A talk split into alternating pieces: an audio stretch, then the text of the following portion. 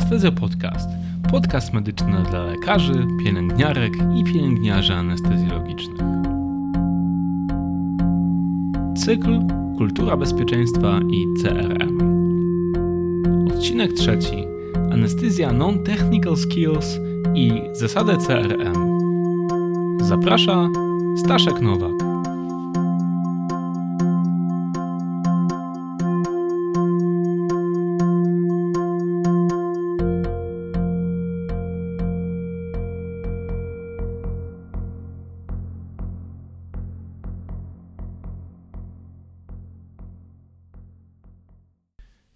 Dobry wieczór, z tej strony Staszek i witam Was w kolejnym odcinku Anestezjo Podcastu. Zanim przejdziemy do rzeczy, chciałbym przypomnieć Wam o tym, że zbieramy przypadki do naszego systemu CIRS, czyli systemu raportowania incydentów krytycznych, który znajdziecie na stronie głównej Anestezjo Podcastu www.anestezjopodcast.pl. Możecie tam wejść, w prawym górnym rogu znajdziecie zakładkę projekty, najedźcie na nią myszką, rozwinie Wam się menu, które, z którego możecie wybrać CIRS i tam możecie zgłosić przypadek, w którym popełniliście albo prawie popełniliście błąd związany z warunkami, z organizacją pracy albo z jakimkolwiek innym powodem, który mógł doprowadzić do popełnienia, popełnienia błędu. Najciekawszy ze zgłoszonych przez Was przypadków zostanie zaprezentowany jako przypadek miesiąca w przyszłym miesiącu, czyli na początku kwietnia, w związku z czym będziemy mogli wszyscy uczyć się na popełnionych błędach. Zachęcam Was do tego bardzo serdecznie. Dzięki temu będziemy mogli zwiększać bezpieczeństwo prowadzonych przez nas znieczuleń.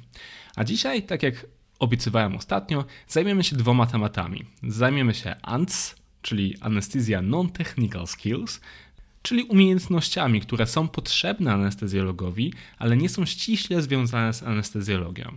I zajmiemy się 15 zasadami CRM, czyli Crisis Resource Management, tak jak opisał je Miller w swojej anestezjologii Millera. No to do dzieła. ANTS Anestezja Non-Technical Skills zostały opracowane w roku 2012 na University of Aberdeen w Szkocji we współpracy ze Scottish Clinical Simulation Center, czyli Szkockim Centrum Symulacji Klinicznych.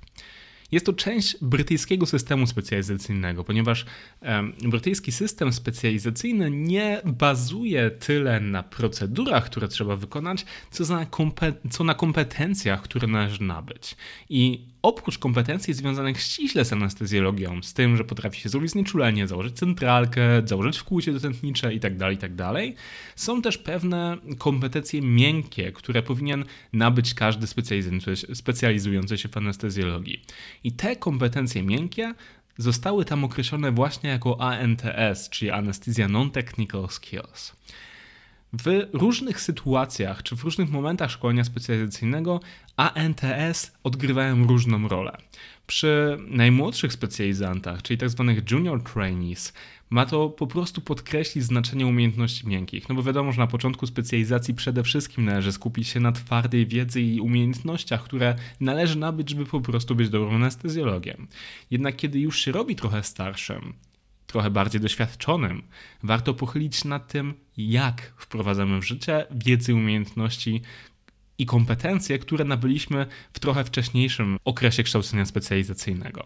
Na samym końcu specjalizacji, specjalizujące się w Wielkiej Brytanii uczą się, jak używać tego ANTS-u, żeby wspierać rozwój młodszych kolegów, którzy też powinni tego wszystkiego się nauczyć.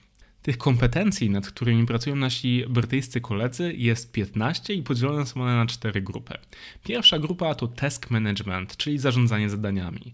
Druga situation awareness, czyli świadomość sytuacji.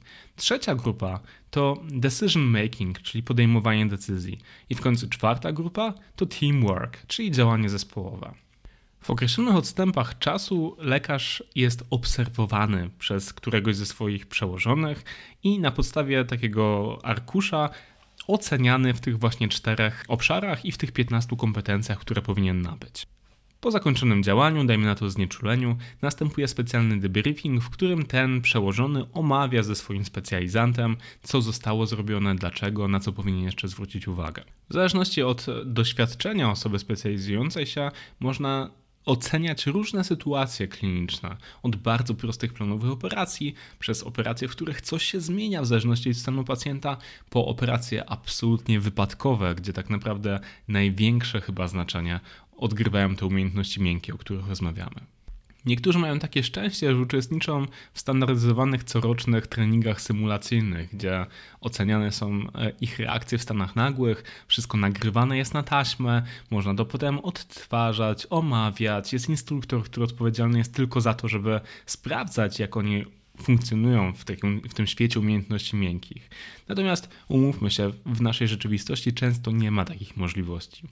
Natomiast to, żeby dać się nagrać, jest właściwie absolutnie możliwe w każdej sytuacji klinicznej. Więc namawiam Was do tego. Dajcie się nagrać. Ustawcie w swojej sali operacyjnej aparat fotograficzny i nagrajcie to, jak prowadzicie znieczulenia. Niech to trwa nawet te, nie wiem, godzinę czy półtora, tak żebyście mogli później to zobaczyć, ocenić, ewentualnie umówić z kimś innym. W ten sposób będziecie mogli zobaczyć, ale naprawdę zobaczyć, nie, nie, nie mieć wrażenie, nie, nie, nie jak nam się wydaje, ale naprawdę zobaczyć, jak zachowaliście się, jak zarządzaliście zespołem czy zadaniem w tej sytuacji, w której to wymagało zarządzania. Zdarzało mi się tak zrobić, zdarzało mi się omówić te działania, które wykonaliśmy z zespołem, z którym je wykonywałem i muszę wam powiedzieć, dowiedziałem się o sobie nowych rzeczy, dowiedziałem się nowych rzeczy o sobie jako liderze. Jedyne co mogę to rekomendować, żebyście też spróbowali to zrobić. Przynajmniej raz na jakiś czas, raz na 6 miesięcy, raz na 12 miesięcy. Pochylcie się nad tym, jakim jesteście liderem w zespole i jak potraficie zarządzać sobą i personelem, który jest wam powierzony. Teraz pochylmy się nad tymi kompetencjami, o których mówią nam Brytyjczycy. Pierwszy obszar to task management, czyli zarządzanie zadaniami. Do tego obszaru, według naszych kolegów, jeszcze należących do tej samej wspólnoty europejskiej, należą planowanie i przygotowanie, na przykład przedstawienie planu swojemu zespołowi, elastyczność w tym planowaniu, przygotowanie na sytuacje awaryjne, planowanie ciągu dalszego opieki nad pacjentem. Druga kompetencja to priorytetyzowanie trudne słowo, czyli nadawanie priorytetów, omawianie ich z przedstawicielami specjalizacji zabiegowych, dynamiczna weryfikacja tych priorytetów, kiedy coś z pacjentem się zmienia. Trzecia kompetencja to trzymanie się standardów. Jeśli mamy standardy i wytyczne, to czy podążamy za nimi? Czy przed każdym pacjentem testujemy aparat do znieczulenia?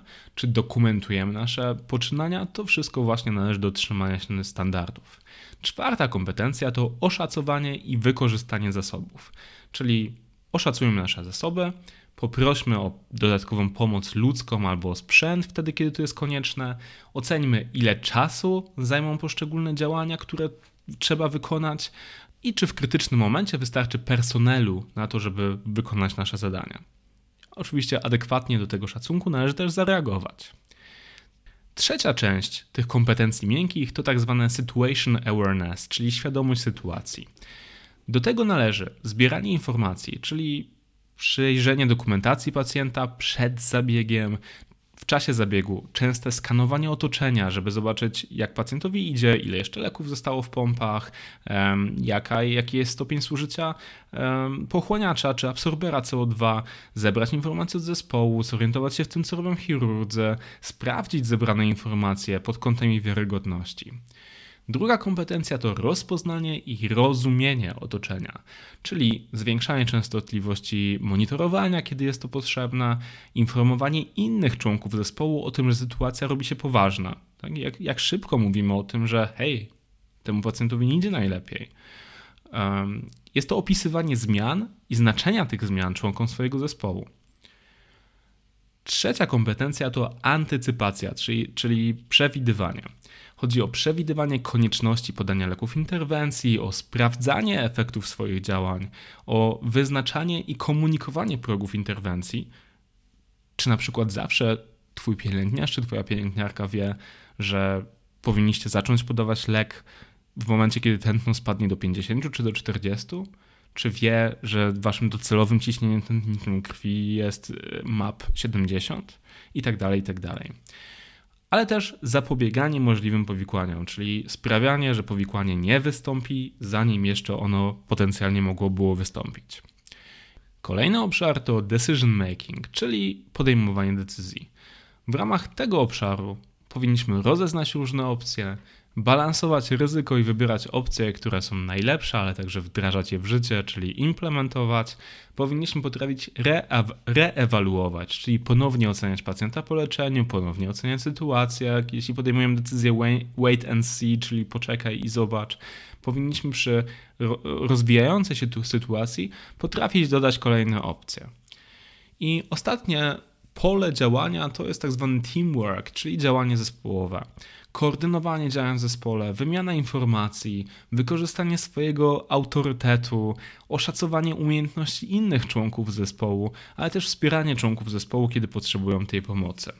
Oczywiście do każdej z tych kompetencji znowu są przypisane wskaźniki, które pozwalają nam ocenić, czy tę kompetencję osiągnęliśmy, czy nie. Wszystkie te kompetencje, a także tabelki do ich oceny są mm, zawarte w takim przewodniku po właśnie Anesthesia Non-Technical Skills, wydanym przez Uniwersytet w Aberdeen, który to przewodnik załączam jako link do tego podcastu, którego właśnie słuchacie. Więc na podsumowanie tej części podcastu, anestezjologa to w dużej części wiedzieć i umieć ale naprawdę dobrego anestezjologa charakteryzuje nie tylko to, że wie i że potrafi, ale też to, że wiedzę swoją i swoje umiejętności potrafi przekuć na sukces w sytuacji kryzysowej. I to przekuć nie samemu, nie samodzielnie, ale też w zespole, z którym działa. W którym trzeba znać dobre i słabe strony członków zespołu, trzeba nimi zarządzać, trzeba na bieżąco korygować, i to wszystko są umiejętności, których można się nauczyć ale często nikt tego od nas nie wymaga. Wymagajmy więc tego od siebie sami. Pracujmy nad tym, a na pewno przyniesie to wymierne korzyści naszym pacjentom. I teraz jeszcze krótko o 15 głównych zasadach CRM, czyli zarządzania zasobami w sytuacji kryzysowej. Tak jak już wcześniej wspominałem, zostało ono opisane przez Millera w jego anestezjologii. I mówią one o tym, na co powinniśmy zwracać uwagę zawsze, kiedy zarządzamy zespołem w tej sytuacji, powiedzmy, kryzysowej, przy czym jako sytuację kryzysową określamy każdą sytuację, gdzie zasoby, którymi dysponujemy, są w najlepszym przypadku ledwo wystarczające do opanowania sytuacji, z którą się mierzymy. Pierwsza zasada mówi: znaj swoje otoczenie pracy. Nie rozwiążesz szybko sytuacji kryzysowej, nie wiedząc, co gdzie leży i co właściwie masz do dyspozycji, a także kogo masz do dyspozycji. Druga zasada: przewiduj i planuj z wyprzedzeniem. Wiedz, co stanie się za chwilę, co może się stać, i czego będziesz potrzebował, kiedy to zacznie się dziać. Trzecia zasada. Wezwij pomoc. Lepiej za wcześnie niż za późno. Bardzo rzadko w sytuacji kryzysowej jesteśmy w stanie poradzić sobie sami, ale często przez naszą dumę próbujemy. Nie róbmy tego. Dla pacjenta będzie lepiej. Czwarta zasada. Przejmij rolę lidera albo stań się dobrym członkiem zespołu. Bardzo wiele osób potrafi być liderami, nie potrafi być dobrymi członkami zespołu. Nad tym też musimy pracować. Piąta zasada to rozdziel obciążenie pracą. I tutaj naszemu drogiemu przyjacielowi Millerowi chodziło o regułę 10 sekund na 10 minut. E, co do tej reguły, kocham ją, uwielbiam, adoruję. I tak jak mówiłem, poświęcę jej osobny odcinek naszego podcastu, odcinek kolejny. Kolejna zasada. Wykorzystaj wszystkie dostępne zasoby, ludzi i sprzęt. Ja osobiście zaobserwowałem to u siebie, że im bardziej kryzysowa była sytuacja, tym więcej rzeczy robiłem sam, a tym mniej rzeczy delegowałem innym osobom. To jest oczywiście absolutnie krytycznie złe w sytuacji, w której stoi nas czwórka nad pacjentem, ale to ja nabieram lek do strzykawki. E, oczywiście chodzi o to, żebyśmy potrafili wykorzystać maksymalnie dobrze wszystko, co się dzieje i sami skupili się na tym, żeby obserwować sytuację i planować w niej, bo to plan w tym momencie działania i rozdzielenie wszystkich członków zespołu i całego sprzętu, który mamy, jest kluczowe do tego, żeby pacjentowi się poprawiło. Kolejna zasada, moim zdaniem krytycznie ważna: komunikuj bezpiecznie i efektywnie. Mów, co masz do powiedzenia, tak, żeby inni zrozumieli oczekuj potwierdzenia tego, że zrozumieli i zachęcaj do wyrażania własnego zdania. To też jest część komunikacji. Następna. Wykorzystaj wszystkie dostępne informacje. Często w sytuacji kryzysowej zakładają się klapki na oczy, co może prowadzić do wielu tragedii. Tutaj chociażby z tego przypadku Elaine Bromiley, o którym mówiliśmy, który zapoczątkował myślenie o CRM w medycynie, jeśli ci anestezjolodzy wykorzystaliby informację o tym, że zestaw do koniotomii jest dostępny i gotowy, prawdopodobnie dzisiaj Elaine nadal by żyła. Natomiast nie zrobili tego, pominęli te informacje, no i skończyło się tak, jak się skończyło. Ma to związek również z następną zasadą, czyli zasadą zapobiegaj i rozpoznawaj błędy fiksacji. Kiedy fiksujemy się na czymś, mamy myślenie tylko o jednej rzeczy, jak w tym przypadku właśnie Elaine Bromiley o intubacji, nie dostrzegamy innych możliwości, które mogą mieć miejsce. Tak samo możemy skoncentrować się na jednej diagnozie, na jednej hipotezie diagnostycznej i absolutnie nie zwracać uwagi na wszystko, co by ją teoretycznie mogło wykluczyć, albo co jest alternatywą dla tej hipotezy. Szczególnie w przypadku rzadkich powikłań anestezjologicznych, np. hipertermia złośliwa, możemy zafiksować się na innej diagnozie i nie pomyśleć o hipertermii złośliwej, bo będziemy prowadzić diagnostykę tak, żeby potwierdzić tę inną diagnozę. Więc z tego wynika kolejna reguła. Miej wątpliwości i dokładnie sprawdzaj, a nic nie zakładaj. Jeśli masz jakiekolwiek wątpliwości, będziesz sprawdzał. Jeśli będziesz sprawdzał, weźmiesz pod uwagę wszystkie możliwości. Kolejna zasada. Miej ściągę i korzystaj z niej. Właśnie ostatnio, za co jeszcze raz dziękuję wszystkim zaangażowanym, przetłumaczyliśmy na polski checklistę Europejskiego Stowarzyszenia Anestezjologicznego do reagowania w sytuacjach nagłych. To jest taki rodzaj właśnie ściągi. Jeśli mamy sytuację, z którą chcemy sobie poradzić, możemy otworzyć ściągę i możemy przejść ją punkt po punkcie. Nie ma w tym nic złego, a przynajmniej mamy pewność, że o niczym nie zapomnimy. Zasada kolejna. Reewaluuj sytuację regularnie. Myślę, że ona jest autowytłumaczalna. Następna. Miej na uwadze pracę zespołu. Koordynuj i wspieraj. Tak jak mówiliśmy, zespół jest jednym z naszych najważniejszych zasobów. Jeśli nie będziemy zwracać uwagi na ten zespół, nie będziemy wykorzystywać ich wiedzy, umiejętności, nie będziemy wiedzieli, gdzie są ich słabe strony i co akurat tego dnia ich boli, będziemy mieli problem z tym, żeby efektywnie zarządzać pracą zespołu. Jeśli odwracasz swoją uwagę, rób to świadomie. Czasami jest tak, że akurat jesteśmy w trakcie czegoś i zostanie nam to przerwane, bo ktoś nie zwrócił uwagi na to, że rozmawiamy z kimś innym i tak dalej, i tak dalej. Jeśli damy odwrócić sobie uwagę, to jest szansa, że nie wrócimy już do czynności, którą robiliśmy przed chwilą.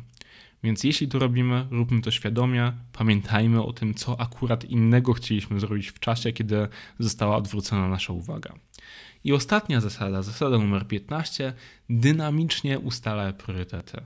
Priorytety nie są ustalone raz na całe działanie, jest to rzecz dynamiczna, która zmienia się ze zmieniającym się stanem pacjenta, ze zmieniającymi się zasobami itd., tak itd. Tak Dlatego ważne jest to, żeby robić to regularnie i tutaj znowu wchodzi w grę reguła 10 sekund na 10 minut i tutaj znowu odsyłam Was do kolejnego odcinku naszego podcastu, który już w przyszłym tygodniu znajdzie się w internecie.